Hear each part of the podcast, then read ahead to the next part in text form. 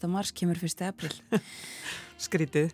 Með okkur í dag á morgumvaktinni verða Guðrún Haldunadóttir og Þórun Elisabeth Bódóttir og við fylgjum ykkur til klukka nýju.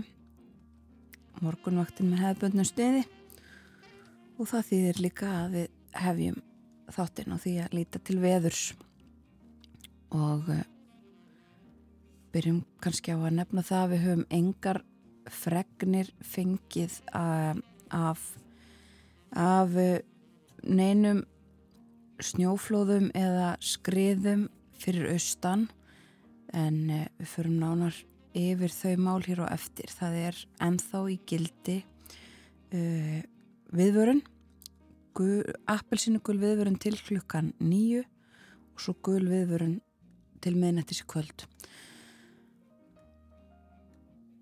En það var lítilsáttar súld á eilstæðafljóðalli klukkan 6 í morgun, 5 steg að hiti og 4 metrar á sekundu, 7 steg að hiti á höfni hotnafyrði, 8 metrar á sekundu þar, 4 steg að hiti á kvískerjum, 5 steg að hiti og hægur vindur og stórhauða í vestmannegjum, líka 5 steg að hiti í Árnesi og það var 3 steg að hiti í höfuborginni Reykjavík, lítilsáttarregning og nánastlokn sunnan 1 metri á sekundu. Sjöstega hitti á Kvanneri, 4 metrar á sekundu sunnan átt þar, tveggjastega hitti í Stikkishólmi og 1 metri á sekundu. Sekstega hitti bæði á Patricksfyrði og í Bólungavík, hægur vindur norðaustan átt, logn á Hólmavík og fjórastega hitti. Sjöstega hitti á Blöndósi, 9 metrar á sekundu, áttastega hitti við Söðanisvita og þrýr metrar á sekundu þar. All skíjað og 6 steg að hitti og 5 metrar á sekundu á Akureyri, 5 steg að hitti og nánastlokn á Húsavík. Og það var 2 steg að hitti á Rauvarhöfn klukkan 6 og 10 metrar á sekundu. Og 6 steg að hitti svo á Skjaldþingstöðum og hittatölur lágar en hitti samt sem áður á Hálendinu nema á veðuratjónastöðinni í sambúðum þar sem að var hiti við frostmark klukkan 6 í morgun. Og þá skulum við lítið aðeins til þess hvernig veðri verður í dag og bara um helgin ekkur. Já, það er austanátt, 13-20 metra á sekundu og það er kvassast á annisjum norðaustan til en mun hægara söðvestalands En það verður áfram östlaga átt og talsverði að mikil úrkoma á austanverðurlandinu framann af morgni, yfirleitt ryggning en slitt eða snjókoma á norðanverðum östfjörðum.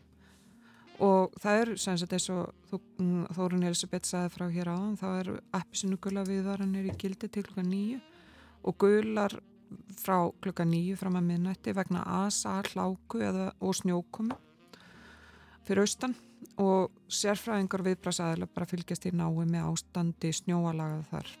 En það er þurft að mest á Norðurlandi en dáliti væta með köplum í öðru landslutum hitti við að 5-10 stygg. Þetta er orðið ansi hlýtt núna svona í lok, lok mánaðar hjá okkur. Já. En það snýst í söðvastan strekking með skúrum eða slittu jælum á morgunni rignir áfram austfjörðum fram að hádegi að minnstakosti.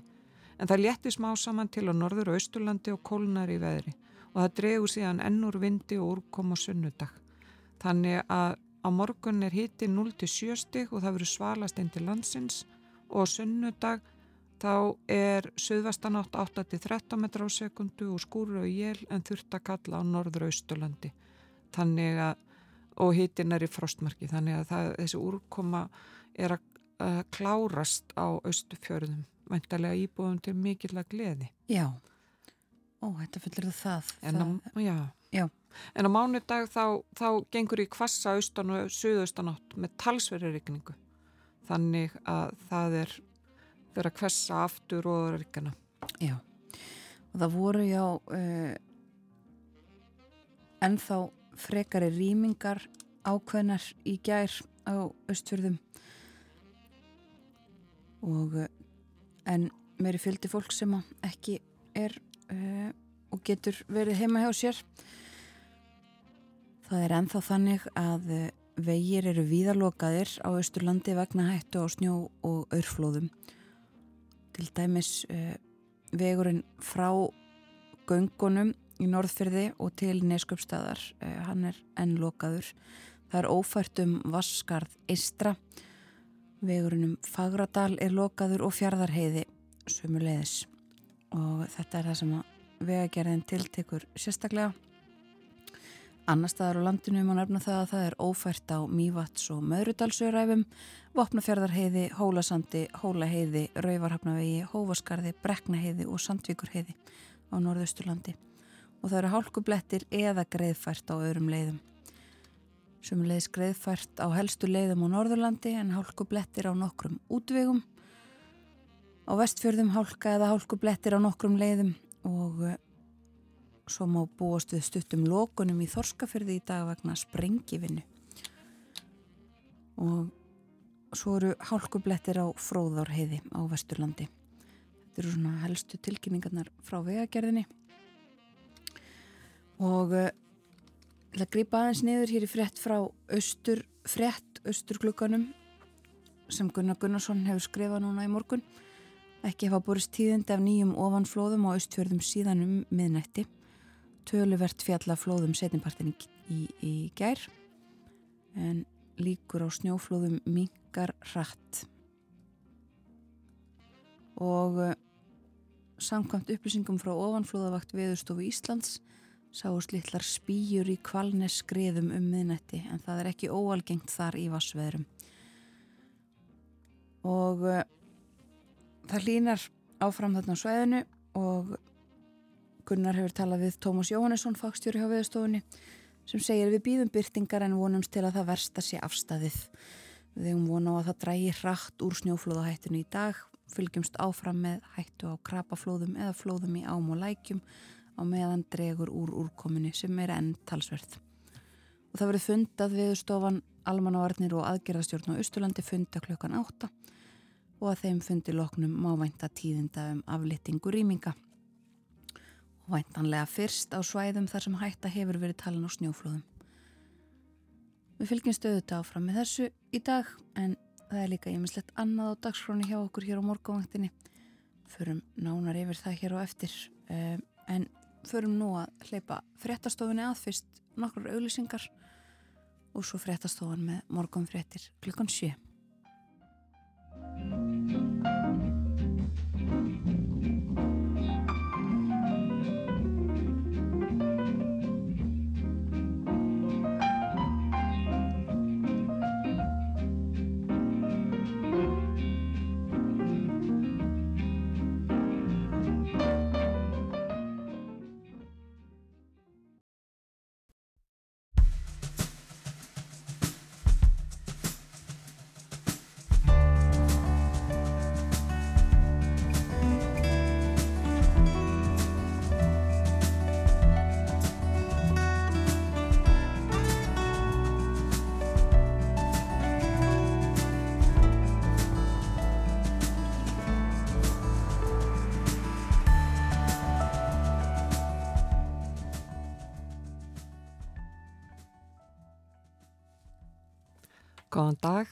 Morguvaktin helsar förstu daginn 31. mars og umsjón með þættunum í dag hafa Guðrún Holdanadóttir og Þórun Elisabeth Bóadóttir.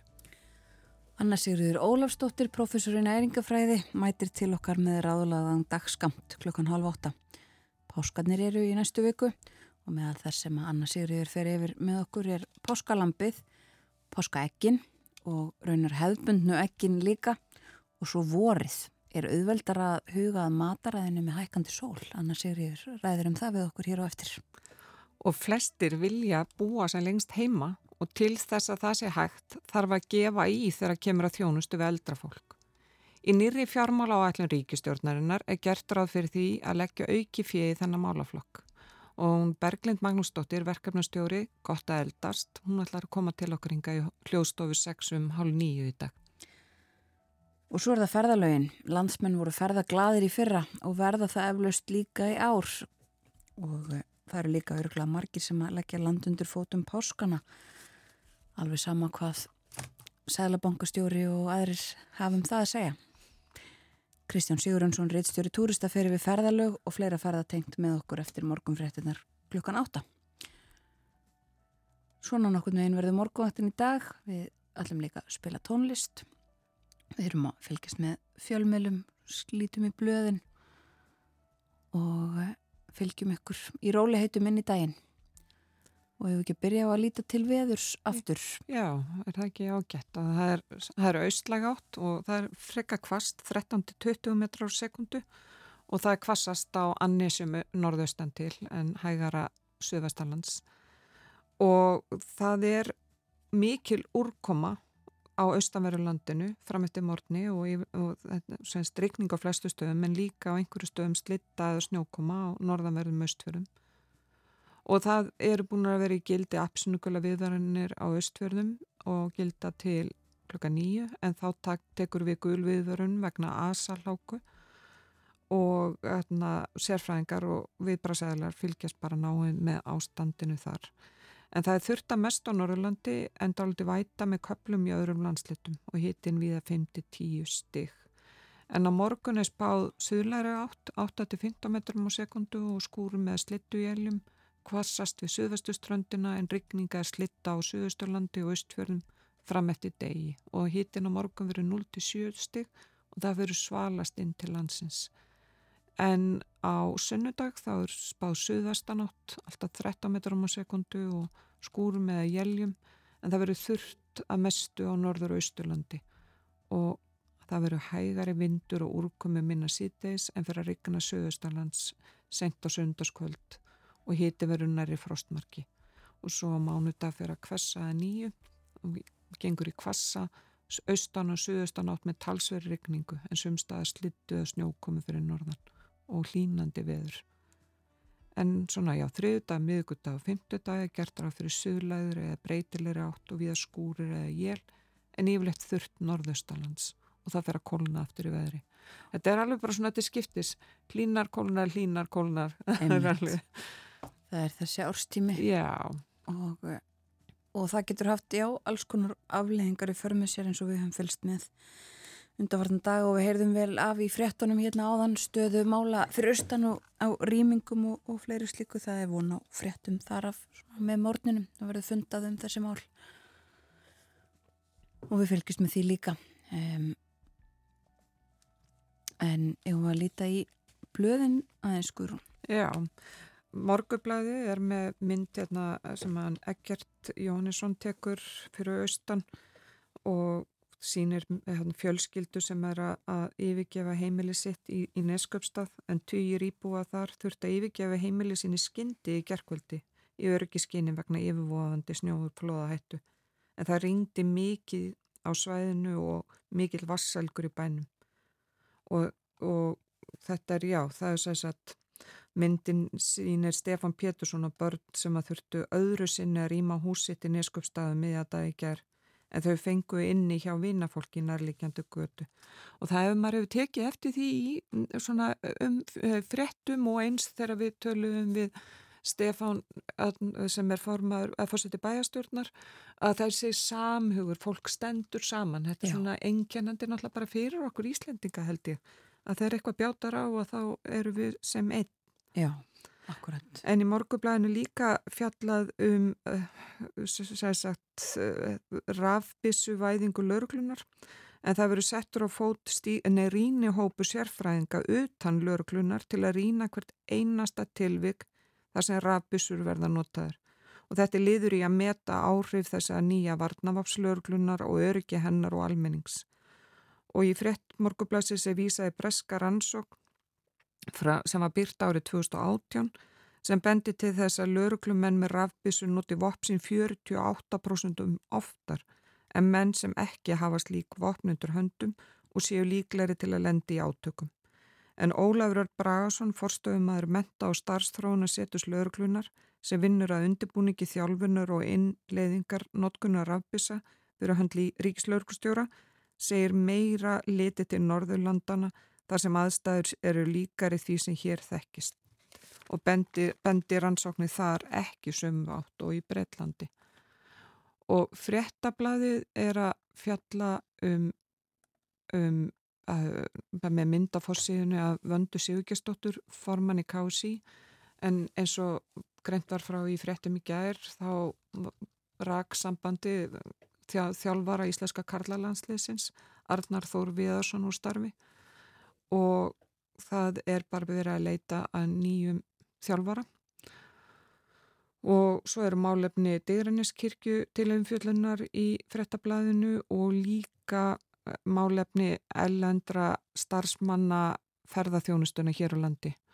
Og í frettablaðinu þá er rætt hérna við bílstjóra Val Jónsson sem segir að launatekju margar útlendingi greininu séu langt undir lámastaksta með botlausum vöktum og liti séu útlendinga séu vinnudýr og ódýrt vinnuafl.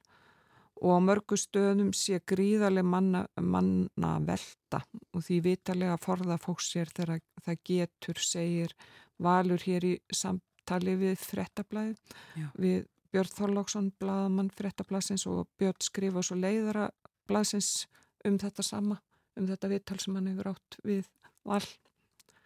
En þetta er svona þetta helsta í frettablaðinu í dag. Já, og þetta fjallað viða í fjölmjölum um uh, vantröststilluguna sem að var rætt á þinginu í gær og feld. Það var svo sem kannski ekki óvænt, um, óvænt líktir þess máls en um, tölvert rætt um það í gær. Í dag er þingfundur á ný, uh, það er nú ekki oft á, á förstu dögum sem eru svona skipulaðir þingfundir þó að það vilja oft um, svo gerast. Um, og í dag mun Bjarni Benediktsson uh, mæla fyrir og, og, og ræða uh, fjármála áallun fyrir árin 2024 til 2028 sem við höfum rætt þetta hér á morguvættinni Katrín Ólafsdóttir Hagfræðingur var hjá okkur hér í gær.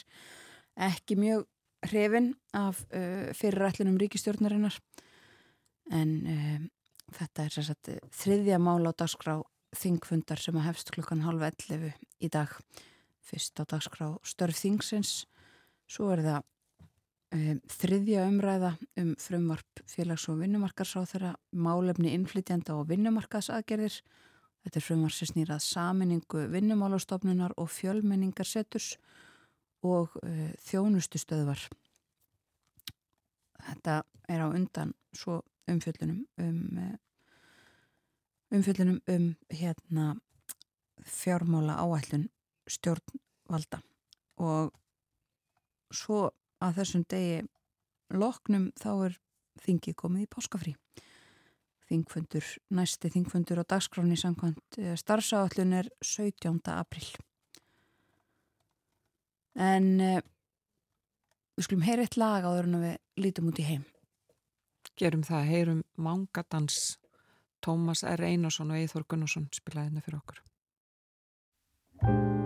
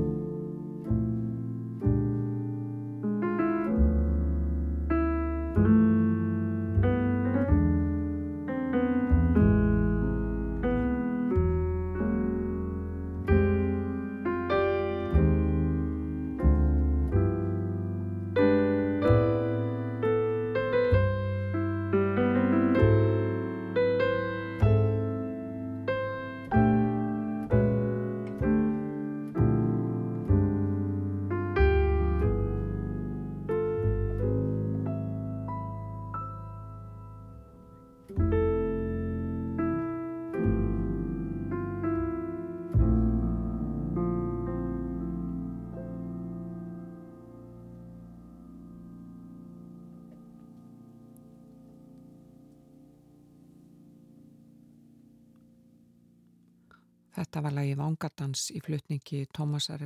Einarssonar og Eithors Gunnarssonar. Tómas líkarna kontrabassa og Eithor á píjano.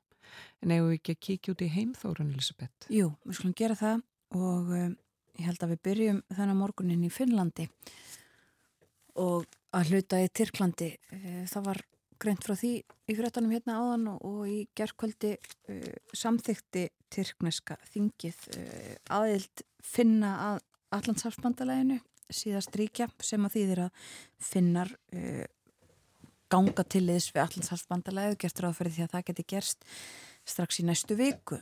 Og þetta gerist í gær og svo á sunnudag þá verður kosið í Finnlandi eins og uh, rætt var hér á morgunvaktinni fyrir vikunni á, á mánudaginn.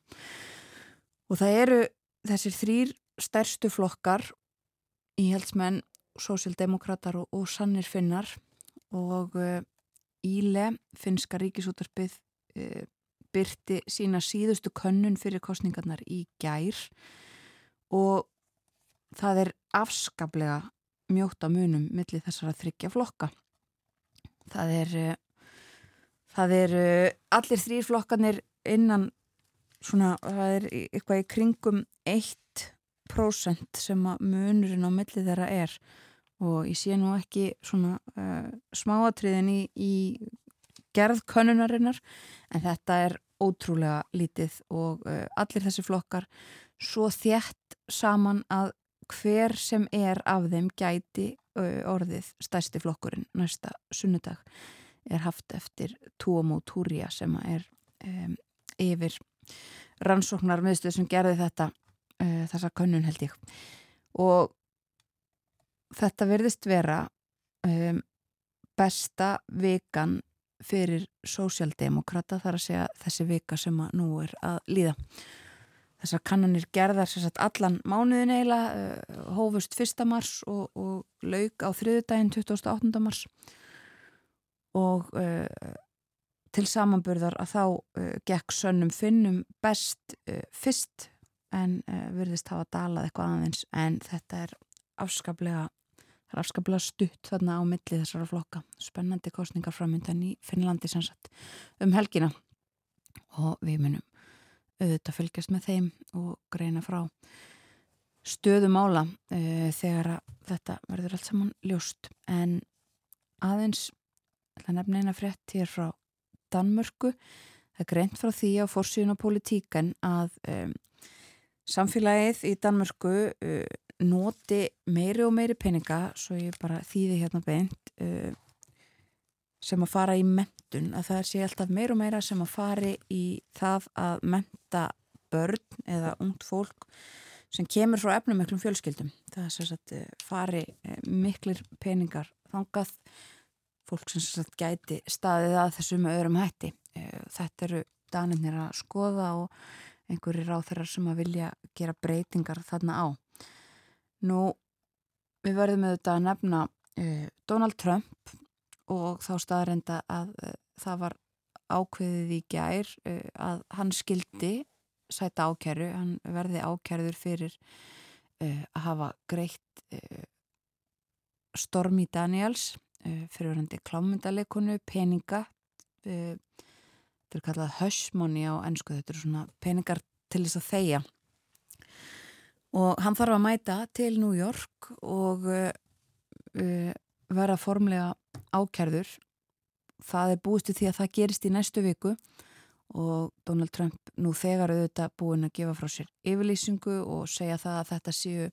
hennar mestu ofsóknir sem að uh, ráðist hafi verið í pólitískar ofsóknir nokkur tíman og ég nefni það að það er ekki þannig að uh, þó hann verði dæmdur þá geti hann ekki búið sér fram til fórseta það er ekkert slíkt í bandaríkunum og það eru dæmi um að menn hafi búið sér fram til fórseta úr fangelsi. Þannig að e, það getur allt gerst. Segjum þetta gott á Erlendum fréttum í byli Anna Sigriður Ólafsdóttir er að koma sér fyrir hérna hjá okkur en ef ekki að heyra aðeins meiri tónlist? Gerum það. My One and Only Love með John Coltrane og Johnny Hartman hérna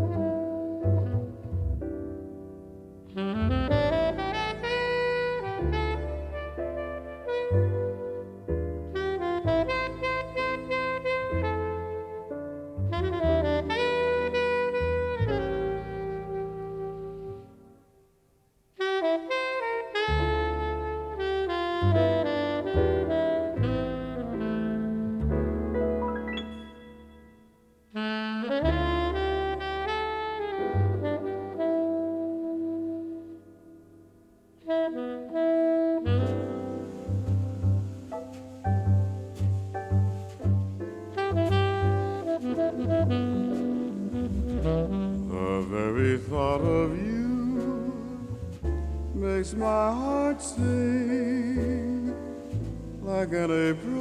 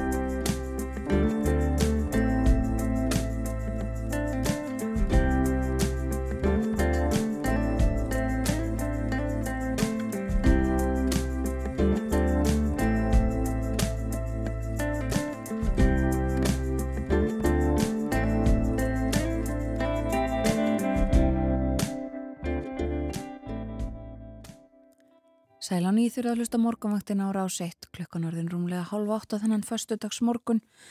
Það er 31. mars í dag. Síðasti dagur marsmánaðar, april, hefst á morgun og uh, framöndan eru páskarnir.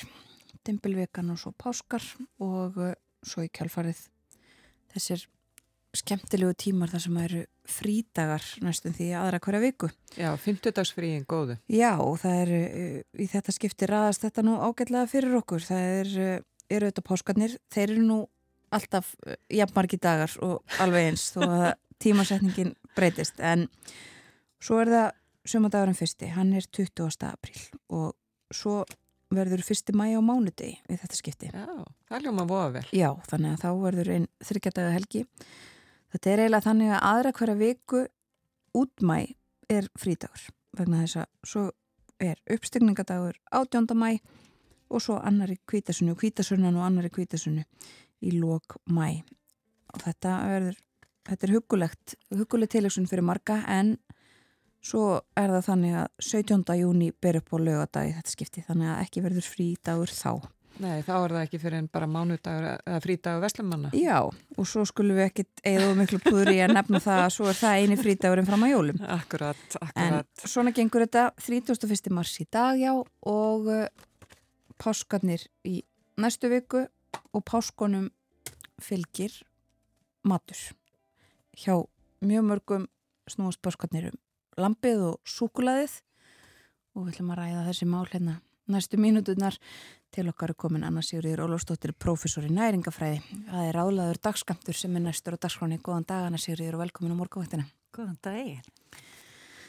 Við ætlum að ræða þessa, þennan páskamat og páskagúmilaði. Já. Og við ætlum að byrja á, að byrja á lampinu. Já, mér, mér fannst ótrúlega skemmtilegt í vikuna að heyra af þessu að, að, að Íslands lampakjött væri fyrsta íslenska landbúnaðar afverðin sem færa þess að uppruna vottun Evrópusambandsins og það er náttúrulega svo skemmtilegt þetta að þú varst að tæli upp alltaf þessa frídaga framöndan sko, að við tengjum alla hátíðsdaga eða við einhvern mat Já. og þetta setur mann í svona ákveðu hugar ástand. Við líka náttúrulega þetta er þetta við höfum oft talað um hvað skiptir miklu mála að koma saman og borða mat þetta er hluti af bæði menningum, menningu og gildum og þá er náttúrulega lampið svona kannski eitt af þessu sem bara strax veist, orðið páskalamp hefur einhverja þýðingu fyrir okkur og, þarna, og, og þetta eru þetta eins og annað kjött með góður prótengjafi og, og játgjafi líka og svo er mjög byggill breytileiki í fytu innihaldinu eftir hvaða bita þú ert með. Og þetta gildir auðvitað eins og með annað raukt kjött að njóta í hófi eða hóflegu magni Og það er líka kannski svolítið skemmtilegt að við horfum á þessa sko, uppruna vottuna, það er hvað þetta er að raða sér með sko, ítalskri parmaskingu og spænskri serranoskinku og svo fetaostinum og svona, að þá verður þessi verðmæta matið að að, að það er ofta auðveldur að njóta í hóflegum skamti þegar eitthvað er komið með þennan svona nöytna gæða stimpil.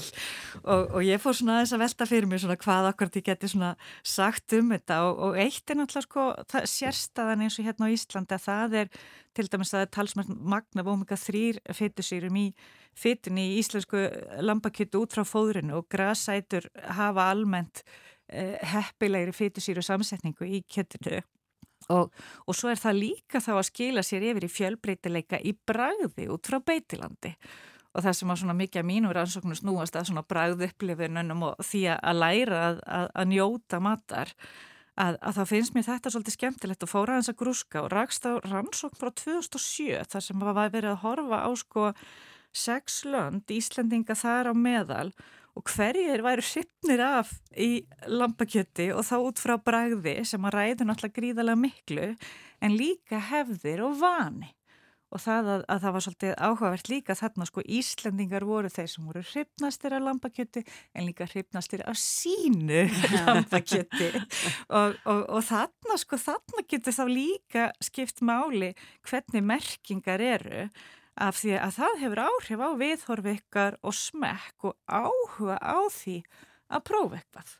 Og ef við horfum á eins og það sem við erum að gera í bræðleika þjálfum, þar sem við erum að vinna með að kenna börnum að upplifa mat með öllum skinnfærum, að þá er eitthvað sko þetta fyrst að skrefa bara hafa áhuga að prófa, hafa áhuga að upplifa, finna lyktina, snerta og, og, og skinja vöruna. Þetta hefur mjög mikið áhuga, áhrif á það hvort þú ert viljur til að prófa og ef við horfum á oft það svona erlendis heyrim að stundum sko þú veist ullarbráða lampi og annað og svo er okkar íslenska lampi eitthvað allt annað að þá finnst mér þetta alveg sko ótrúlega jákvægt skref og, og þetta náttúrulega hefur klárlega mikið að segja varandi markaðskildið Og þetta er líka náttúrulega einmitt með íslenska lampi að við erum að sjá sko lamp sem eru að sérst, fæða þeirra kemur allt frá fjöru og upp á, upp, lengst upp á heiðar. Það hafi verið gerða tilraunir einmitt með hvern er það ekki og Jú, alls konar, já, alls og þetta er allt að skila sér í bræðinu. Sko. Akkurat. Þannig að, að, að það er svolítið skemmtilegt og, og svo sko ef við heldum áfram með páskana þá náttúrulega sko Við erum alltaf að horfa á súkuleðkin en ef við horfum á þjóðirnar í kringum okkur þá er það náttúrulega hænveikin og, og, og það er svona matur sem sko býr til alls konar tilfinningar og, og þau þekkið eflega sko þetta í gegnum tíðina. Má eða má ekki borða egg, hvað Já. má mór borða mörg egg og, þarna, og þetta er náttúrulega sko uh, þarna uh, má segja sko að, að, rannsóknir fara ennþá svolítið fram og tilbakum þennan innan gæsalappa hæfilega uh, skamt og að þau tölum um ráðlaða dagskamtin í, í, í þessum þáttum sko að þá, þá má segja sko að, að, að þarna gildir eins og með rauðakjötið að það er svona ákveðin hófstilling en ekki samt þessi svona hræðsla sem var hérna sko áður fyrir það sem brátt að teljóni sig ekki að rauðurnar og annað og, og það eru náttúrulega þessar eldri rannsóknir sem voru sko að því að það er mikið kólestról í eggjum en kólestról í fæði hefur ekki bein áhrif á kólestról í blóði nema í raun og veru samlega þá mikill mettaðri fytu og svo ef þú ert viðkvæmur og ert með hækka kólestról þá getur það verið viðkvæmt. Já, er Þann... þetta ekki eitthvað góða og vonda kólestról? Já, það er ekki í mat, já, það er áhrifin inn í, inn í blóði þannig að þarna Að, að, að þetta skiptir svolítið miklu máli og, og það sem, svo þegar maður fyrir akkurat að horfa þetta, við borðum mat í samhengi. Þannig að hvernig borður er ekki, og þá skiptir máli akkurat hvaða þjóður við erum að horfa á, hvaða hefðir eru í kringum þetta að því að sko egg með sko smjöri og beikoni og pulsum og eitthvað þar sem þeir eru með sneisa fullt af mettar í fyttu og dýrafyttunni að það er náttúrulega allt annað fyrirbæri heldur en sko Instagram ekkið með, hérna, með avokadóinu sko Já. þannig að, að það skiptir öllu máli þessi, þessi heildar mynd og það að velja það heilsu samlegt með og í dag erum við að tala um svona almennt, þú veist, eitt til tvö ekka dag er bara, bara í fínu lægi og þarna og, og, og bandarísku hérna hjartalæknarsamtökinn þau tala til dæmis um sko eitt dag á dag hendi fyrir flesta ef það er ekki hátt kólestról uh, en, en allt að tvö ekki jafnvel hjá eldra fólki sem er hrust og borðar hold og er með alls í gildi læg. Þannig að þetta er alltaf þessi útgangspunktur. Hvað er heilsan þín og í raun og veru ertu almennt að borða hold. Eh, þannig að, að, að þetta er svolítið sko þarna þetta nýri rannsóknir sína í raun og veru aftur það var að tekið út hérna í gamla daga þá vorum við með sko ráðleggingar um hvað mætti umbyrða mikið kólestról. Það er ekki í dag. Mm. Þannig að það er kannski best að horfa á þetta og ég segi oft sko þannig náttúrulega bara að horfa á þetta líka eins og með kjötið að við erum almennt að reyna að draga aðeins úr nesli dýraprótina og ná jörtaprótinunum upp. Mm -hmm. Þannig að ekkin ræða sér auðvitað þarna bara með, með öðru dýraprótinni líka og svo er náttúrulega sko skiptir máli það er þarna að, að, að matræðekkin það er að segja að ráegg náttúrulega geta verið út frá fæðu öryggi salmónulan og, og þurfa þá að vera gerilsneitar e, þarna kvítur og rauð til þess að, að við völdum ekki skada eða hætti þar.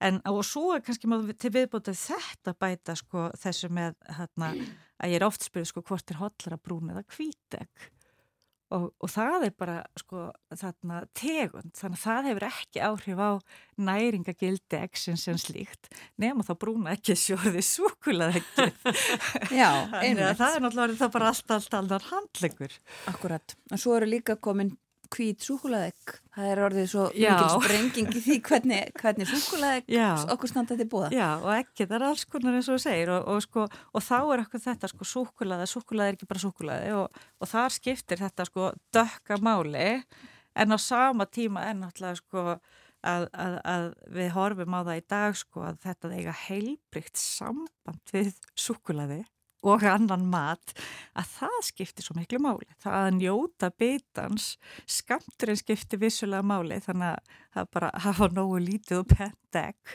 eða kunna deila því upp og borða það ekki allt í einu en þarna, en, en sko rannsóknir benda sem að til að hugarfarið hafi svo mingil áhrif á í raun og veru bæði hvernig við svo borðum og upplifum En, en, en það getur svo skila sér í til dæmis að þá, þá erum einhvern veginn að, að, að búa til, sko ef við búum til einhverja hömlur og samviskupið þá erum við líka líklegri til að missa okkur. Halda aftur að okkur og svo borðum við allt og mikið þegar við loksins gefum eftir. Yeah. Og þannig að, að sko ég, ég vil alltaf segja þetta sko svona nöytna fæði á þetta skilja eftir sér veliðan og ánvægi. Og, og með súkulaði sko þá er náttúrulega mjög, mjög fallegt að við hugsaum út að í kakúð er eh, orðið og upprunnin er sko þetta sé guðafæða. Og það er náttúrulega bara, bara segir svolítið mikið og, hérna, og það er náttúrulega fullt, fullt, fullt af heilsufullarðingum tengdum súkulaði en það er fyrst og fremst eitthvað sem er hægt að vísa til í raun og veru kakóbaunarinnar þannig að það er þá fyrst og fremst dökka súkulaði sem henn þar að horfa á. Mm. Já, það eru alls konar líka fulluringar þegar við vorum að tala um fulluringar í kringum ekkin. Maður nú heyrt ímislegt líka í gegnum tíðina um. Um bara, já gagn sem er þess að borða súkulega bit á dag eða hvað já, það er já, sko. já, og, þarna, og það, er, það er alveg sko en mikið af þeim rannsóknum eru svona tilrauna kendar og kannski ekki inn í þessu okkur að raunveruleika samhengi og þið mm. sjáu það hvort sem ég er að tala um lampið eða hænu ekki en annað, þá er þetta, þetta snýst alltaf um að við borðum mat í samhengi, við erum ekki að borða stök matvæli, þannig að líka ráðleikingar í raun og veru ganga út frá því að, að sjá eitthvað heildar munstur og þá sko eins og með súkulaði þá erum að tala um sko að tíu grömm á dag af dökku súkulaði sem er, þú veist, hvað er það, tveir suðu súkulaði mólar eitthvað slikt það geti dreyju líkonum að hjarta á þetta sjúkdómum og svo er náttúrulega fullt af öðrum heilsufars fullæringum og, og, og, og mælingum sem hafa komið út uh, í dýratilraunum og í afmarkaðri tilraunum uh, og það sem á velta akkurat fyrir sér þarna er heildarsamhengið að sko hvað einkennir til dæmis fólk sem borðar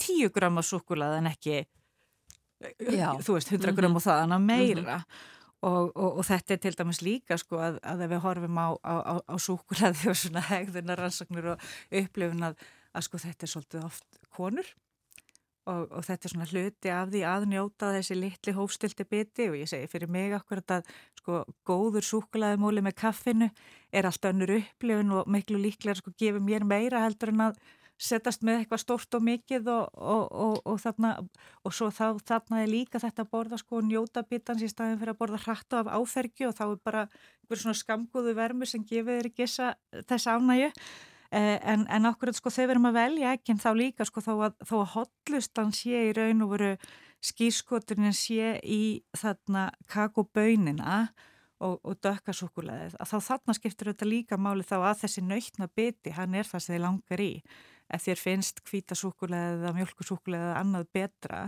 að þá náttúrulega þá, þá, þá ert að fá upplifunina þar mm -hmm. og það mhm. skiptir gríðarlega miklu máli þannig að þarna þannig að persónulega myndi ég alltaf sko velja það sem ég þykir gott og það er það sem við sjáum líka svolítið í, í, í rannsóknunum sko.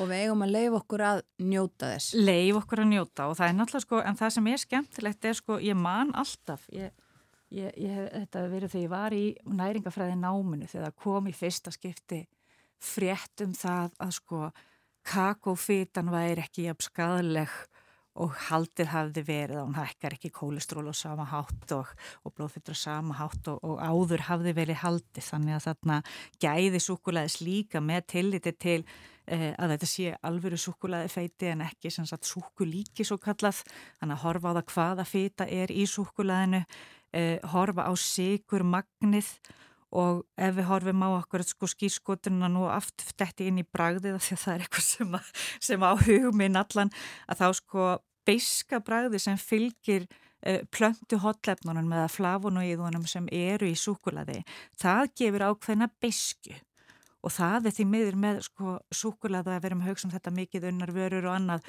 í samhenginu að þá erum við svo ofta að maska beiskabræðið í staðan fyrir að læra að upplefa það.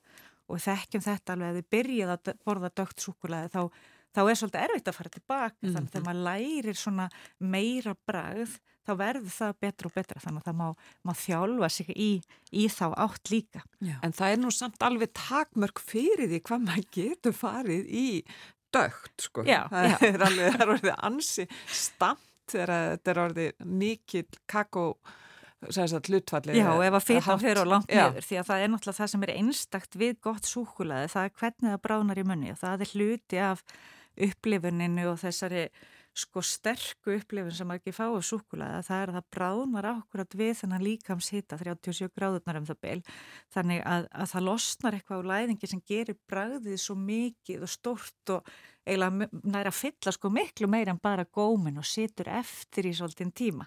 Þannig að þess vegna er þetta að horfa á gæðin líka í fytunni sem er í súkulaðinu og svo framvegis en þetta sko góður gæðabiti er að, að, að sko sumt súkulaði er kannski bara meira nammi heldur en súkulaði og ég vil alveg skilja þarna milli. Og ef við horfum á sko, saltlakrísin og saltkarmelirnar og, og svo ef við horfum á súkulaði ekki sko allt ótið sem er inni að það er ekki sama hotlist og í súkulaðinu sjálfu. En, en eins og ég segja aftur þá sko eh, nöytnabitin hann áið þetta bara ef, ef við erum hóstilt í að njóta þá, þá er það að velja það sem okkur þykir best. Já, við ætlum að ræða að lókum uh, um sko mataræðið svona með hækkandi sól og vorinu og byrtunni. Já, þetta var eitthvað svona hérna, sem, sem ég fór bara að velta fyrir mig sko, að hérna, orkan sem þið finnið bara þegar, þegar þið eru orðið bjartara og annað og, og hérna, ég fór svona aðeins að grúska hvað ég geti nú fundið, fundið um þetta svona sko bakkað upp af vísendum því að oft er einhver tilfinning eða einhver svona þekking sem við höfum að, að hún er kannski svona meira eitthvað svona sem er svona samanlagt úr, úr ímsu og þarna við þekkjum til dæmi sko hérna ástíðabundnar sveiblur í líðan og, og seasonal affective disorder eða það er að segja það sem bara fólk fær svona vetrar drunga og þar hefur verið tengt sko Eh, bæði það að það sé minni stjórn á magni, matar í máltíðum aukna líkur á miklu kvöldstnarli missa sig frekar í lótu átt og, og, og svona tilfinninga átt og, og mikil þrá eða svona áfergja í til dæmis sterkju og kolvetnaríkan magt til að halda orkustíinu uppi Já. Og þá náttúrulega mætti segja að lókingin væri svo að með hækkandi sól þá ætti þessi vandamál þá síður að vera til staðar. Og, og, og það er alveg, má segja, að, að skipti máli og, og þarna og þetta er svolítið sko, en, en, en, en það er líka svolítið menningabundið til dæmis með hvernig við borðum tengt ástíðum, af því að þetta er líka markasetningin, þarna aftur sem er að hafa áhuga, áhrif á okkur. Og við erum mjög komið langt líka í að horfa á sko rannsóknir á hérna dægursveiflunni og það að reyna að borða framar í sólaringnum og borða meðan er bjart. og þá má alveg velta fyrir sig hvað er með þessa laungu dægarsveflu okkar yfir, yfir sumatíman að við sjáum að náttúrulega sko bæði settustjórnarferðlar og ímis streytuhormón og annað að þau eru ekki bara með dægursveflu heldur líka svo kallaða sko um, árstíma sveflu og þá er í raun og veru hægt að horfa á þetta í samhenginu að, þarna, að, að við ættum að borða meira árstíðabundið. Já. og þú veist, horfa á uppskerinu annað og það væri ekki bara gott fyrir þá umhverfið heldur líka fyrir okkur, kannski örlíti flóknara með tilliti til uppskeru á Íslandi heldur við annar staðar, en, en þetta er aðeins verið að horfa á og svona eru kannski meira getgátur og Og, og, og kenningar og dýratilraunir. En það sem er, er lagt til að í raun og veru það að borða meira tengt ástíma og, og þetta sko okkur finnst þetta með skræmund ástur of betri á vorin. Og er það af því að það er nýri uppskera og ferskari vara eða er það af því að við erum bara akkurat annar smekkur með hækkandi sól? Og það getur sannlega sko eins og ég segi markasetning til dæmis haft alveg ótrúlega mikið að segja. Þannig að allir þessi frítar framundan að það skipti máli hvað er verið að segja okkur við eigum mm -hmm. að borða alla þessa skemmtilegu daga. Og það er kannski svona svona sló mjög svolítið að mér, mér dætt ekkert í hug því ég fór að hugsa um græmið og áherslu tengt að páskum. Já, nei. Nei, það er bara gæt Jólinn hafa þú allavega mandarínunar og rauðkálið. Rauðkálið, jú Þannig að, þarna, að, að þetta er kannski verk að vinna. Já, Já. en sko ef þú talar um markasetningu og það er rosalega mikil markasetning á, á grillmat og grillsósum og, og slíku líka þegar að fer að vora. Og, Já, og snakki. Og snakki mm -hmm. ferðamaturinn okkar er, er því miður svolítið röll sko, við sjáum alveg að missum stundum tökinn á sömrin og sérstaklega í útilegum og ferðalögum og hvað það með vegasjöpunnar sem að getur bóðið me meira og, og betra úrvala af hotlustu þannig að, að þetta er alveg sko og það er svona að við þurfum bara, þetta er alltaf þetta sama sko, við þurfum viðhorsbreytingu við þurfum að stjaka til frambóði og, og í raun og veru viðhorfum í samfélaginu mm til þess að leið okkur áfram í eitthvað sem er okkur í raun og veru, mætti segja mjög líklega náttúrulega eðlilegra og gott. Og ég rakst akkur þetta eina rann, rannsók sem síndi sko að áhrif plöndu hotlefna eh, sem sagt að, að þau líka taka sveiplum eftir, eftir því hvenar ársins plantan vex. Og þar alveg geti það svo haft áhrif á lífræðilega sveiplur og öfugt Þannig að þetta er, þetta er ótrúlega spennandi í raun og veru eitthvað svona sem að, sko, ég bara dætt niður á þetta e, þarna að, að, að skoða, sko, þessa, já, að við erum hana svo meðvitið um dægursveifluna, en, en við þurfum kannski að taka það miklu, miklu lengur og hugsa bara svolítið í takt við náttúruna. Já, taka fleiri þætti inn í þetta. Kærar þakki fyrir að koma til okkar í dag, Anna Sigurður Ólafsdóttir. Alltaf gaman að vera með ykkur. Alltaf gaman að fá þig. Við verðum með þetta ekki hér næsta förstu dag, þá er förstu dagurinn langi. Þá erum við að bara fisk. Já. Einmitt. það er þú allavega tengt páskunum, það er rétt uh, fiskurinn og við hefum náttúrulega líka geta svona eftir á ekki að talað um förstuna fram að páskum en við gerum nú ekki mikið Nei. úr henni hér á Íslandi En það er henni að ljúka. Og henni er að ljúka. En kærar þakkir fyrir í dag Anna Sýri Rólstóttir, professor í nærikafræði Takk, takk.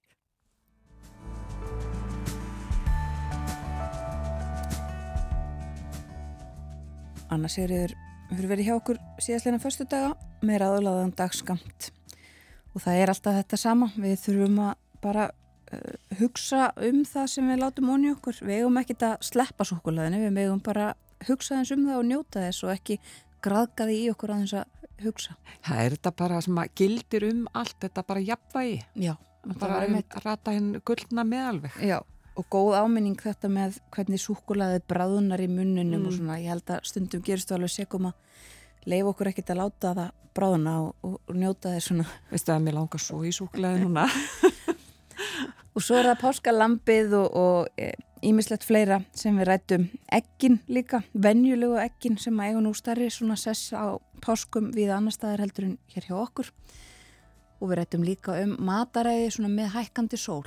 En nú fyrir við að hleypa fréttastofunni að, fréttinnar næstar á dagskráni klukkan átta og að þeim loknum þá verðum við komnar í samband við Kristján Sigurjónsson, reittstjóra túrista. Það er nú líka tengt vorinu og sömrinu ferðalögin sem eru framöndan. Við ræðum um þau við hann hér á eftir.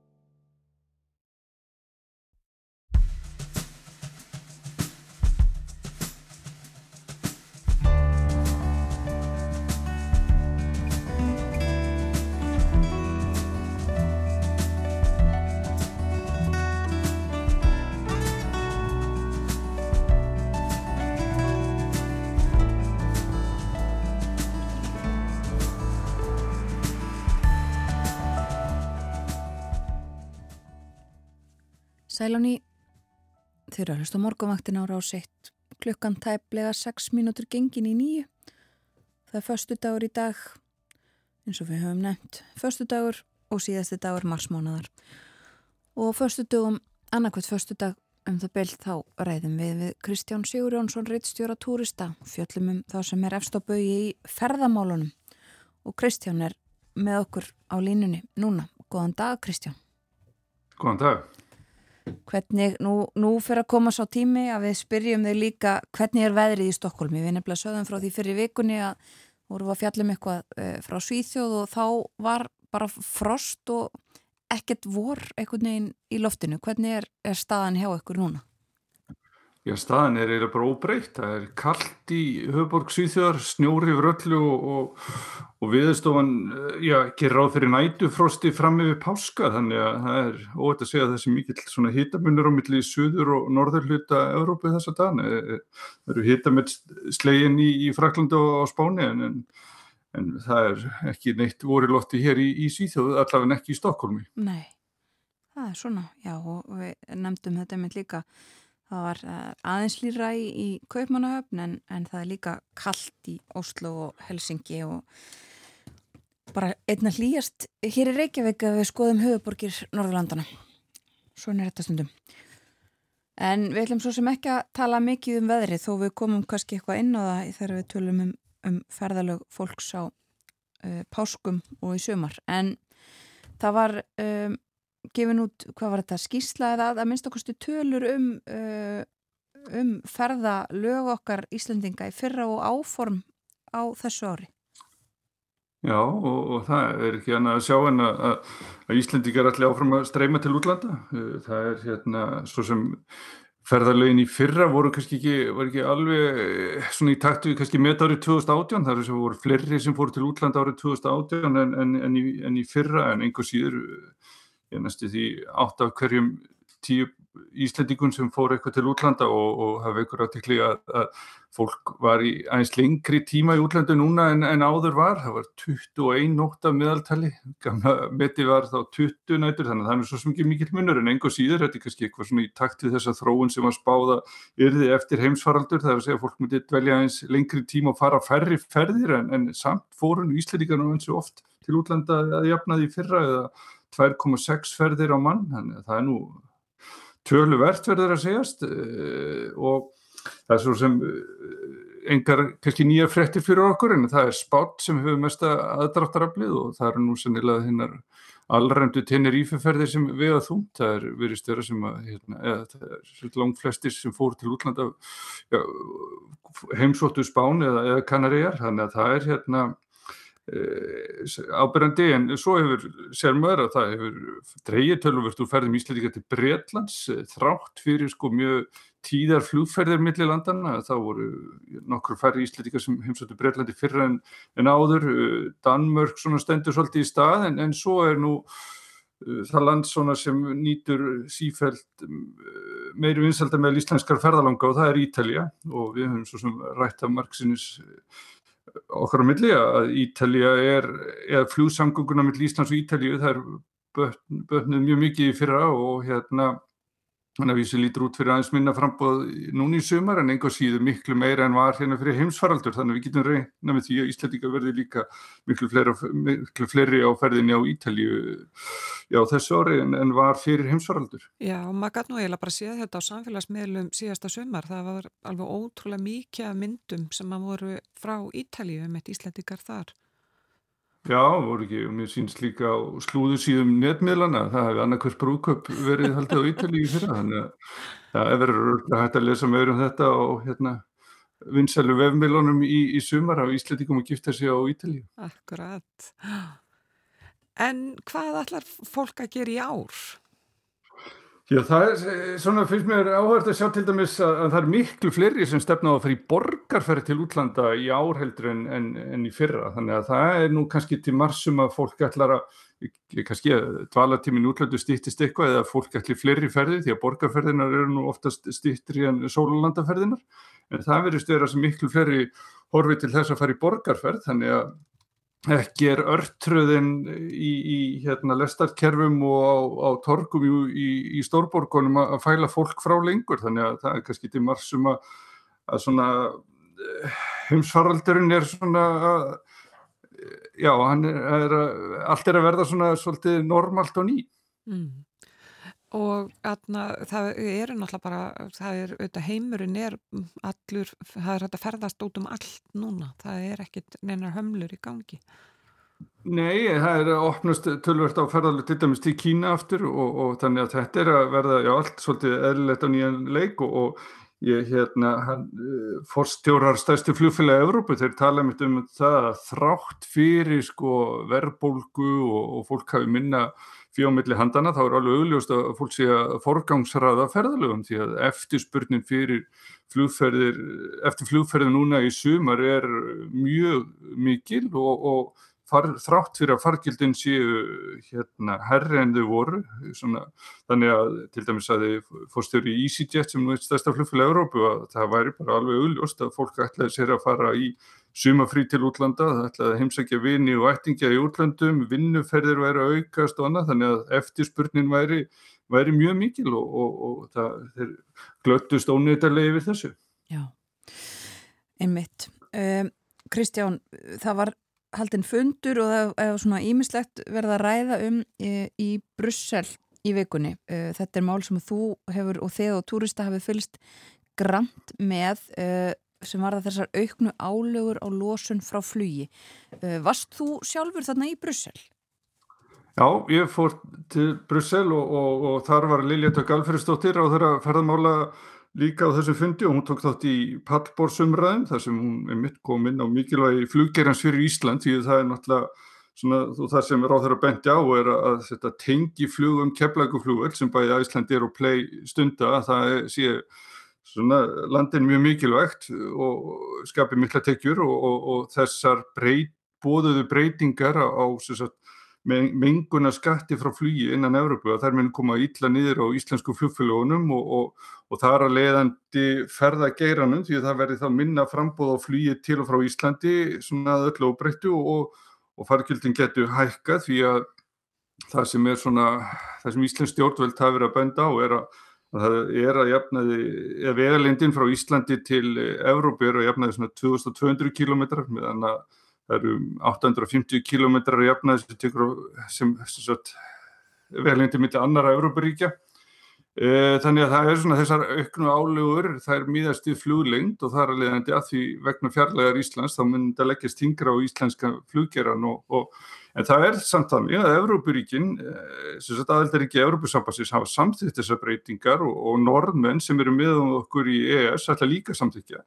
Þannig að Ísland er svona komið svolítið upp við veg sko hvað þetta varðar þetta mál og, og ég rætti þetta við ráþæran og, og hún sagði að það veri að Ísland hefði raun og verið ekki langan tíma til þess að semja um þetta. Þetta er bara svona algjörlega á næstunni sem þarf að finna einhverja lausn en En Lilja Dögg sæðist vongóðum að ráðmenn í Evrópu væri svona að hérna, átta sig á þessu þjóðslega mikilvægi flugsins fyrir Ísland og þar að leiðandi fengjust vonandi undanþáur en hún talaði um þessa sko að svo löst sem Íslandingar eru að, að benda á er svo að, að það verði það tekið til, til vegalengdarinnar og, og þessi mengunar skattur, við getum kallað um það, hann verði þá bara lagður á hluta flugferðarinnar til og frá Íslandi. En, en En þetta er svo sem til að sem íslenskir embættismenn og ráðamenn hafa verið að kynna í Brussel síðustu misseri og ekki fengið hljómgrunn en það á svona að reyna þetta aftur núna þessum bend á þetta í óréttlæti sem margir vilja meina. En, en það verður þá líka náttúrulega veltaði fyrir sér sko hvað áhrif hefur það ef Ísland bara fær ekki sínu framgengt og, og, og hleypir þess ekki gegn? Því það geti haft þá einhver áhrif á þetta EES samstarf. Þannig að þetta er, er stór mál. Akkurat, skiptir náttúrulega miklu, miklu máli. En það var verið að fjalla um nýja ferðamála stefnu til ársins 2030 og aðgerra áallun á VF stjórnarásins í vikunni sá ég. Já og, og það hefur verið að mynda að horfa til svona stefnumótuna til eh, margar ára og svo sem verið unnið að þessi lengi, það var til stjórnstöð ferðamála hérna við nokkrum árum síðan og sem var svona samstarfmilli ferðarþjónustunnar og, og, hérna hins ofinbera að reyna að móta þannig einhverja stefnum hvert velli til lengri tíma og það er hefðið verið að tala um þannig í þessari stefnu eða þessum tillögum að, að, að jafna ferðamannaströmminni meiri við árið og ná fleiri ferðamönnum út á land svona á þenn tímum sem að ja, er minna að gera. Uh, en þetta er svo sem þekkt stef en, en það er náttúrulega sem að bendi nú á það sem við talaðum áður og það er náttúrulega að meðan að við gerum ekki fólki það kleift að fljúa beint frá keflaugu fljóðvillu út á land þá náttúrulega verður alltaf í mótvindur hvað þetta, þessa, þetta markmið verðar þar að segja að fá fleiri ferðmenn út á landsbyðina því að það verður náttúrulega að vera auðvilt fyrir fólk að komast. En hérna það er, þetta er náttúrulega hítamál að ræða Reykjavík fljóðvill þannig að hann er svona fyllin í herbygginu sem að hérna ferðarþjónustan ræðir ekki en þetta er auðvitað mjög jákvæmt eða á marka samt einhverja stefnu til eh, langs tíma og hérna náttúrulega einhver tímabært því að bæði eins og við varandi eh, losunarmálinu annað þá er bara ferðarþjónustan, hún vegur það þúnt í þjóðabúskapnum og, og flýið að, að það er náttúrulega vissara að það sé svona ákveðin svona allir séu samálu um hvert verið að stefna í, í, í þessum málum. Akkurat. Rétt í lókin, Kristján, uh, við fylgjastu þetta áfram með þessum málum uh, en rétt í lókin uh, það er að verða svona smávægileg tímamót í Stokkólmi í dag. Play er að fljúa þangað í, í fyrsta sinn, er það ekki? Það ég sé að velin er farin í loftið.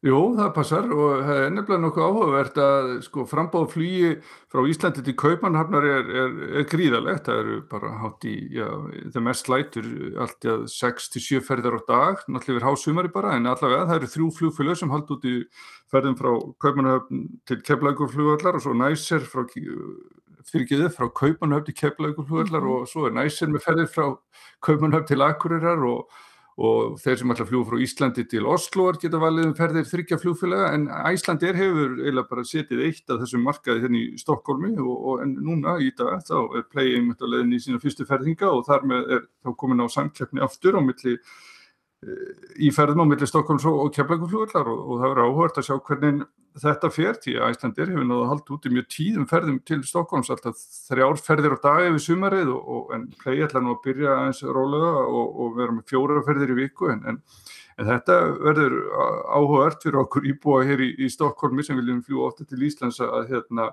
að fá samkeppni á, á þessa leið. Já, sjá áhrifin á því. Það auðvitað uh, Vá flög á sínum tíma en, en ekki á Arlandaflugull, var það nokkuð? Jú, á endanum. Það, Vá byrjaði á að veðja á flugull hér aðeins fyrir norðan Stokkólm, Vesterós, mm. en færði sér svo inn á Arlandaflugull og hérna helt út í þeim ferðum tölvöld lengi og, og einu sinu var Norvítsjan líka með ferðir frá hérna, Stokkólmi til Keflavíkur en, en, en svona árin fyrir heimsvaraldur allavegna og, og, og svo eftir að allt var svona nokkuð eðlilegt að nýja þá hefur Æslandi setið, setið eitt af þessari leið en, en hérna nú fáum við smá samkjöfni. Akkurat og við segjum þetta gott af ferðamálunum í byli kærar þakkir fyrir spjalli í dag Kristján Sigurjónsson. Takk fyrir mig. Aðeins að nefna það fyrst að við vorum að tala um þetta og skoða flugið það er eru 65 flug áætluð eh, til brottvarar frá kemlauguflugli í dag. Á morgun verðaðu 57 og svo 68 á sunnudag. Mér sínst það að vera svona toppurinn fyrir þessa páska. Nú ekki séð frettir af þessu sem að hefur stundum gersta að e, bílastæði séu uppselt og fleira slíkt en jú, hér sé ég að það er sagt að það sé útlitt fyrir mikla umferðum kemlauguflugli í kringum páskana en eh, ekkert, eh, ekkert meira en það. Þetta var spjallum ferðamál. Við ætlum að heyra eitt lag áður en við hleypum auglýsingum og frettastofinni að. Hvað ætlum við að hlusta á? Herðu My Body is a Zombie for You. Það er rock tvíegið, eða leikara tvíegið, Ryan Gosling og Zach Shields sem gáði þetta lag út undir hljómsveitar heitinu Dead Man's Bones hérna fyrir nokkurum árum.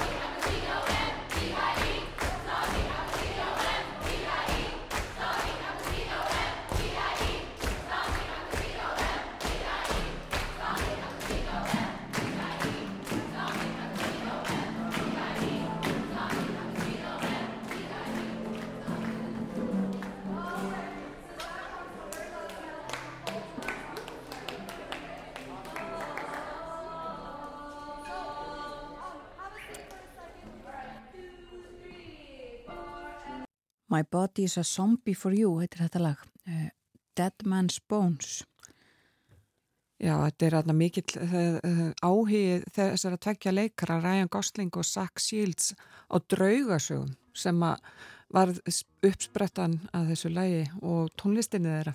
Einmitt. Já, já, við leipum frettastofunni að yfirleitt morgun frettan næst á dagskrá eftir tæpar 5 mínútur og svo er að koma sér fyrir hérna hjá okkur í hljóðstofu 6 Berglind Magnúsdóttir.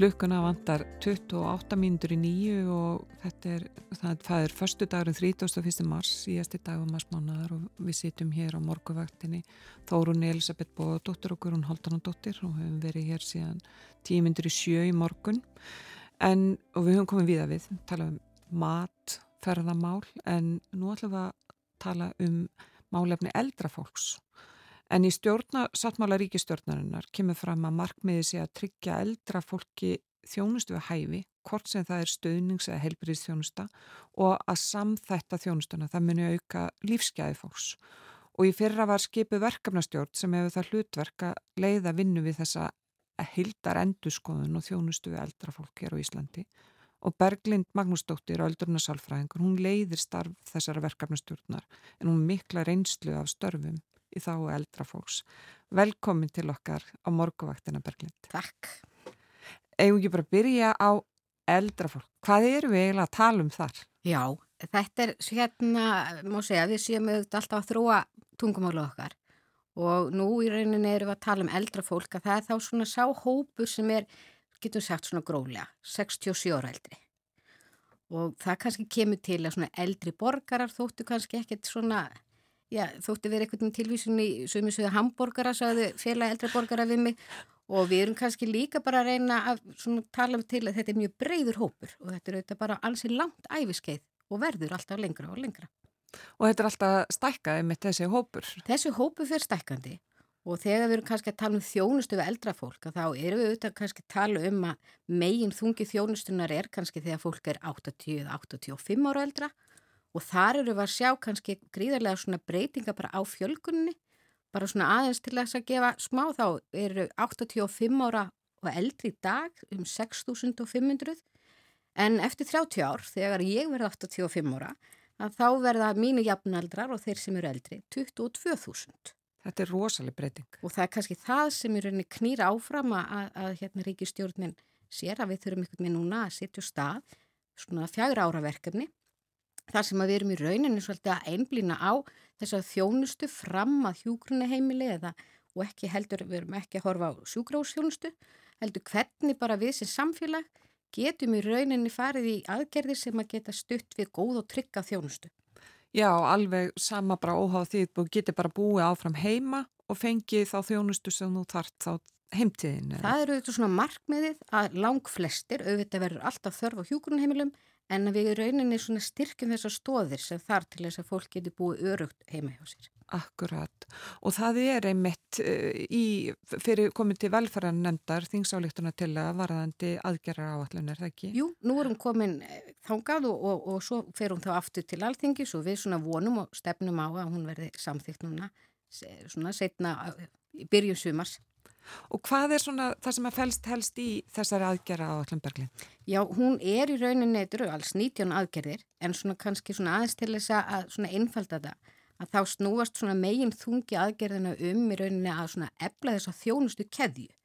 Þegar við tölum um þjónustu keðju þá hefur við all, alla þá þjónustu sem bæði sveitafjölu og ríki veita fólki í heimahúsi. Ekki bara þjónustuna inn á heimilið, heldur líka þjónustu sem fólk getur fengið sem býr heima. Eins og dagdvalir og ýmislegt annað sem er nöðsilegt til þess að, að, að hérna, keðjan sé bara sterk. E, og þar eru við að horfa fyrst og fremst svona til þróunverkefna sem að verða auglist núna bara um leið og tilagan verður samþýtt og þá erum við að horfa til þess að, að e, þeir sem reyka heima hjúgrunn, heilbyrjastofnunir og svo sveitafjölu sem reyka auðvitað mjög eiga mikla þjónustu fyrir eldra fólk e, komið sér saman um að vilja prófa að samþætta þjónustuna algjörlega. Það er að segja að sé bara einn aðileg sem reyki bæði heima hjúgrunn og heima þjónustu sveitafjöla. Já, sagt, þetta yrði þá þannig að það er bara e, e, einn aðil sem þarf að leita til að því við vitum það að fólk talar um að það veit í rauninni ekkir hvert á að leita oft. Og það, það er í rauninni sko, styrkurinn í því að samþætta og samþætting er í rauninni bara út um allan heim er svona áskurinn og í rauninni verkefni víða það sem er verið að, að, að, hérna, stuðla meiri samþættingu. Og nákvæmlega þetta til að einfalda í rauninni þjónustuna fyrir íbúan og, og komið veg fyrir svona grá svæði þar sem að verður einhvern veginn svona, býtu þetta er ekki á minni hendi, þetta er á þinni hendi. Uh, en það er ekki bara það, heldur líka með samþæktingunni að þá verða kannski til svona sterkari hópar saman og það svona efli bara svolítið svona nýsköpun og, og, og hérna og fólk verið að þróa önnur verkefni og önnur þjónustu úrræð. Þannig þetta er líka svolítið til þess að bræðast bara við því að sé nýsköpun í þessari þjónustu og okkur veitir sannilega ekkit af því vegna þess að við vitum að það vantar fólk allstaðar til starfa og þannig að við kannski að horfa þá svona víðar að, að hvað var þar starfsfólk sem starfar í þessari þjónustu? Nákvæmlega við þurfum í rauninu miklu eða fleiri fagstjéttum inn í þessa þjónustu og við þurfum líka að gera hana spennandi. Þetta er, er gaman og, og þið heyri það þegar talaðu fólk sem að vinna með eldra fólki, þetta er skemmtilegt en við þurfum eitthvað minna að breyða þennan bóðskap út og við þurfum líka að búa þannig um hnútuna að þetta sé eftirsóknarvert svona starfsumhverfi það er flókimála að, að sinna heimaþjónustu. Þú ert einn á vettvangi, svo má segja. En, en hérna þannig að við, við þurfum í rauninni að nota alla tækni við þurfum að nota alla þá framþróun sem við finnum og við þurfum eitthvað meina að ebla hérna svona nýskupunan hjá starfsfólkinu. Því það, það býr yfir gríðalegum gríðalegir þekkingu og, og hérna þarf bara tækifæri til þess að koma nýjum verkefnum á stað. Og svo er þetta líka eins og til dæmis þessar dagdvalir þær geta dagdvöl þar sem að fólk getur verið yfir daginn en fengið að sofa heima hjá sér í sínu eigin rúmi. Já og þar þurfum við líka og ein, ein aðgerðin snýrað svona sveianlegri dagdvöl eins og kallið er og það hefur nú þegar verið byrjað norður á landi að hérna Akureyri og, og í Fjallabið en, en við erum að horfa til þess að, að fólk getur kannski komið setna deginum og verið lengur fram eftir degi og í rauninni að sé meira tekið til til þess að einstaklismunna þarfa heldur en nákvæmlega þetta þurfa að vera þessi rúndur frá klukkan 9-3 eða eitthvað slíkt. En, en aðgerðin eru líka kannski svona bara að því þú segir þetta getur oft verið svona flókið, þetta snýst líka svolítið um þessar upplýsingar og við finnum það gríðarlega að fólk kallar eftir því að sé hægt að fá upplýsingar um alla þjónustu, hvar sem er á landinu og uppbyggingu þjónustu eldra fólk á einum stað og það er aðgerð þarna það sem að í samstarfu í Ísland.is að þar verði unnið að mjög öflur í síðu þar sem að fólk getur einnig farið inna og ekki bara lesið, heldur líka farið í netspjall og við viljum ganga aðeins lengra því það er þessi hópur þannig að þessi líka hægt að fá að raunin að ræða við eitthvað í síma. Þannig að það er kannski þessi öflun og að þessi hérna, gaglegar upplýsingar og ráðgjöf. Já og þá er þetta í rauninni bara svona þjónustu ver þar sem að fólk getur leita, það getur hringt, það getur þá farið í netspjall en, en þetta mun taka eitthvað tíma, er það ekki að gera þetta þannig að það virki?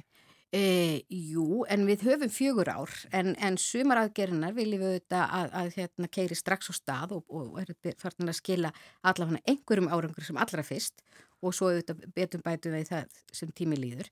En þetta er svona átagsverkefni og, og, hérna, og, til, og líka í rauninni, því fylgir líka við horfum á það sem að vitundar vakningu. Akkurat og við erum að sjá einmitt að, að sko það er vitundavakning einmitt um bara farsæla öldrun fólks. Nákvæmlega og þar eru við líka að horfa svolítið og það má segja að þetta var kannski ekki það sem að verkefnastjórninu var uppálagt en allstar það sem hún kallaði til fundar eða var með opna kynningarfundið eða lokaður vinnustór þá var þetta mjög ábyrgandi umræðinu ákall um svona vitunda vakningum það sem skipti máli þegar við eldumst. Og að við byrjum snemma. Og þessi vitunda vakning hún á ná til okkar að, að við gerum okkur grein fyrir því að til þess að eiga farsæla öldrun að þá þurfum við að huga hvernig eru samskipti okkar bara við millir kynnslóða hvernig ætlum við að bregðast við bara því að, hægt að vinna og, og, og við þurfum að undirbúa þetta æfiskeið miklu fyrr en við gerum. Hvernig ætlum við að búa? Hendar húsnæðið okkur? E, hvað er það sem við munum sækjast eftir? Viljum við hérna viljum við flytja nær börnunum okkar? Þannig að það er all, all þessi vitundavakning sem við þurfum eitthvað meina að hefja. Fyrir utan að við bara allt það sem að við kemur heilbreyður á öldrun, líkamlega, andlega og félagslega. En Berglind, hvernig gerum við þetta? Hvernig komum við þessari vitundavakningu að stað? Já, bara með því að sýta hér með ykkur, þá, þá höfum við aðeins byrjað og, og hérna, við munum svolítið nota Ísland.is og, og síðan í rauninni verður það bara starfsópurinn sem, sem að mun svolítið hérna útvika með hvaða hætti Eh, ég, við, við, við, við þekkjum öll til þess að á Norðurlöndunum hefur svona vitundavakning hóstum fyrir kannski 20 ára síðan með auglýsingum um, það hefur lítið verið hér við erum ennþá ung þjóð svona í alþjóðlegum samanbyrði en, en núna er komið okkur, nú þurfum við Íslandingar svolítið að, vekja aðtegli á að það er fjölgun í þessum hópi og til þess að við getum hérna mætt þessum hópi og, og, og verið með góða og trygga þjónustu og ekki síst það að við svolítið draugum úr því sem við köllum öldrunafordóma. Þá þurfum við að, svolítið, að fara í ákveðna svona vitundara vakningu. Akkurat og þetta eru náttúrulega málefni sem að brennur á bara allir í þjóðinni og við sjáum að þetta eru tvö ráðunetti, þetta er bæði helbreyðisráðunetti, Viljum Þóru Þórsson og Guðmundur Ingi Guðbrandsson í velferðar og félagsmálráðunettur sem standa að þessu verkefni. Já, það er mjög mikilvægt að það eru tvö ráðunetti sem, sem í rauninni eru ábyrgir fyrir þessar aðgerra állun og það segir okkur að það er í rauninni fullir hugur í því að, að, að þetta er verkefni sem að krefst aðkomi mjög margra og það er alveg rétt hjá þér við annarkvört höfum öll verið aðstandendur eldra fólks, erum það eða verðum það og svo verðum við vorandi sem flest hérna gömul, það gömul að, að, hérna, að við séum þáttekandur í þessum hópi og, og hérna þess, að þetta sannarlega varður okkur öll. Akkurat og á sama tíma og sjáum við líka að, að það er rosalega erfitt að komast inn á hjókurunaheimili hér á Íslandi. Samt sem að áður eru fleiri hjókurunarými hér á hvern íbúa heldur en á hinnum Norðurlöndunum. Er, veginn, er þetta það að vitundavakningin er að fara að setna af stað hér um að búa sem lengst heima og fá þjónustu heim eða geta nýtt sér dagþjónustu, er það ástæðan? Já og eflaust kannski má segja það þarf alltaf að gera stvendt í einu. Það þarf í rauninu svona auðvitað við og spreytingu en um leið þarf þjónustan eitthvað minna styðja við hana. Þannig að fólk hafi trú á því að það sé örugt að búa heima uh, og aðstandendur sérstaklega því það er oft þeir sem eru kannski hrættastur um sína ástvinni þannig að já, við, við, við byrjum setna en aðra þjóðir en við verulega þurfum að taka okkur taki núna því að eins og ég sagði þó hjúgrunheimili verði alltaf til staðar þá getum við ekki haldið áfram á sömu braut að, að fjölga þeim í rauninni eins og, eins og hérna ef við ætlum í rauninni að horfa á þennan hóp eftir 30 ár, 22.000 þá, þá, þá er það alveg útiloka þannig við verðum í rauninni að koma annari þjónustu mun öflaður á stað. Akkurat sem að er þá um leið ódyrari Já, hún, hún, er, hún er ódýrari að því leitinu að, að það er mikil peningu sem fer bara í það að byggja hjúkurinu heimili fyrir utan að reyka en, en, hérna, en fjármagn er eitt en það er líka mannabli og svo er þetta fyrst og fremst bara lífsgæði að fólk getur rauninni bara átt gott líf. Akkurat, já, ég held að það sé nú flesti sammála um það að, og mér heyrist það nú bara á flestu sem að maður ræði við að fólk vill búa sem lengst heima en það er til dæmis ef að fólk meiðist eða eitthvað þannig að þá getur að verið erfitt en, en það er stefnan að auka þar í þessi þjónusta. Það er stefnan að auka þar í og í rauninu þessi þó fleiri úrræði sem að geta komið inn í. Við erum að horfa velferðartækni en ímislegt annað. Við þurfum að nota meiri öryggisbúnað, við þurfum að nota í rauninni bara meiri ráðgjöf, við þurfum í rauninni svolítið að, að gefa í hvað alla þess að þætti var. Velferðartækni velferðtækni, hún, hún getur bara falið, eða hún fælst í ymsu en, en til dæmis bara hérna livjaskamtarar eh, sem í rauninni fylgjast með að fólk taki lifi sín og láta vita ef svo er ekki. Eh, við sjáum að viða erlendis að þá byrjar í vild alltaf heimaþjónusta með öryggisnappi þannig að það sé alltaf fyrsta aðkoman.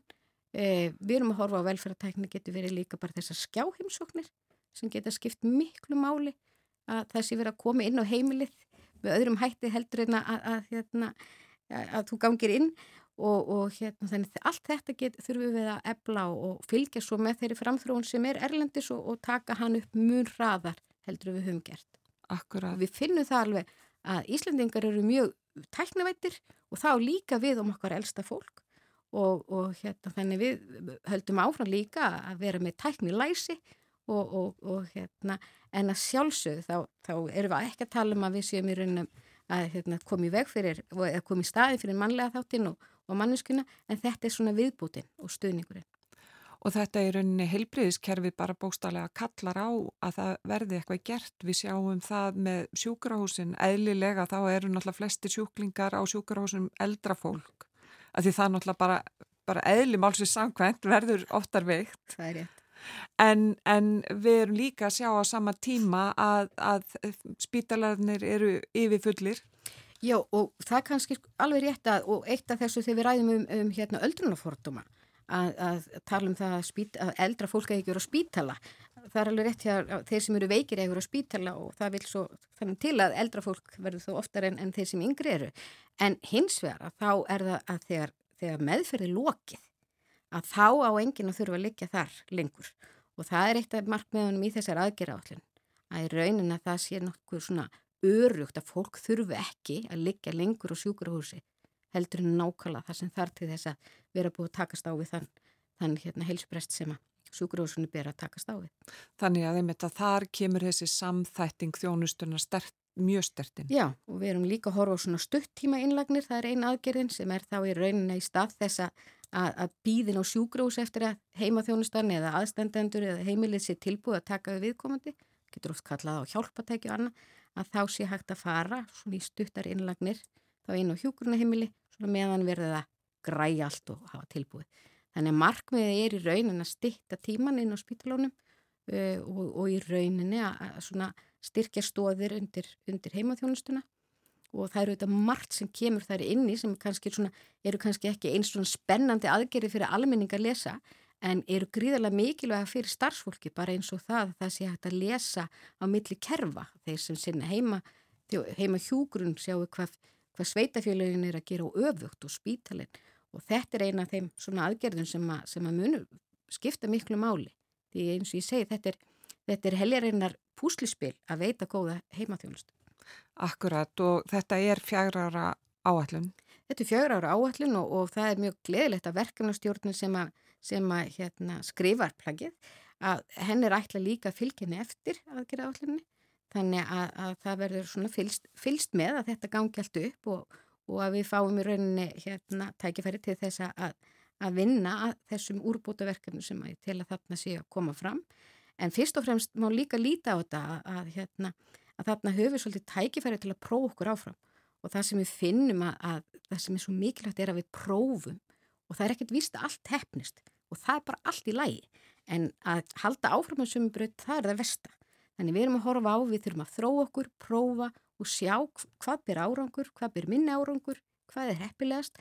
Eftir fjögur ár þá kannski erum við með eitthvað í höndunum sem segir yfirvöldum að, að hérna, við skulum fara þessa leið en við getum líka vel verið að við séum eitthvað í höndunum sem segir það er ljóst að landið er ólíkt, við þurfum að fara ólíkar leiðir að sama markmiði. Akkurat og við komumst ekkit að því öðru sem að prófa. Prófa. Akkurat. Þá að vera gott að eldast Berglind, Berglind Magnúsdóttir og bara takk kærlega fyrir komuna til okkar hinga á morguvaktina. Já, takk fyrir. Eða við að setja eitt lag á. Þannig að Nancy sín aðdraði hérna með að læja hans Lee Hazelwood These boots are made for walking.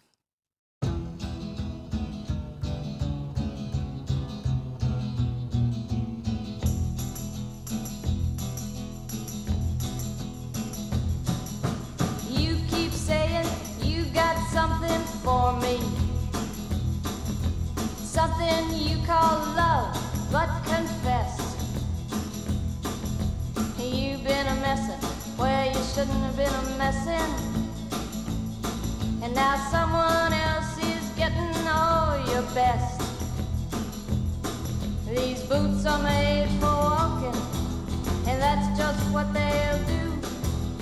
One of these days, these boots are gonna walk all over you.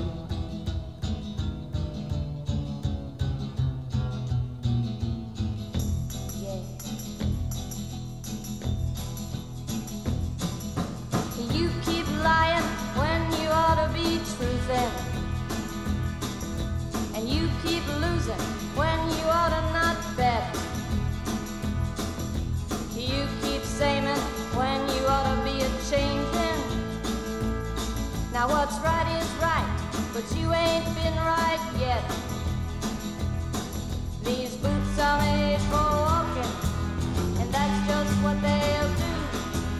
One of these days, boots are gonna walk all over you.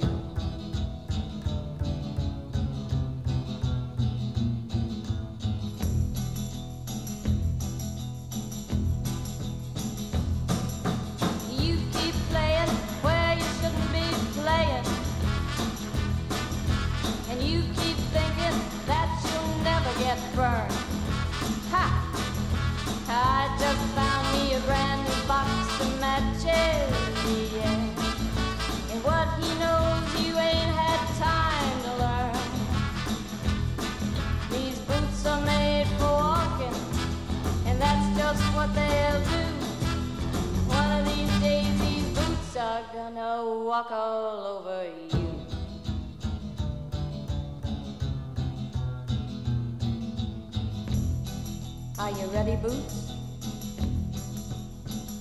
Start walking.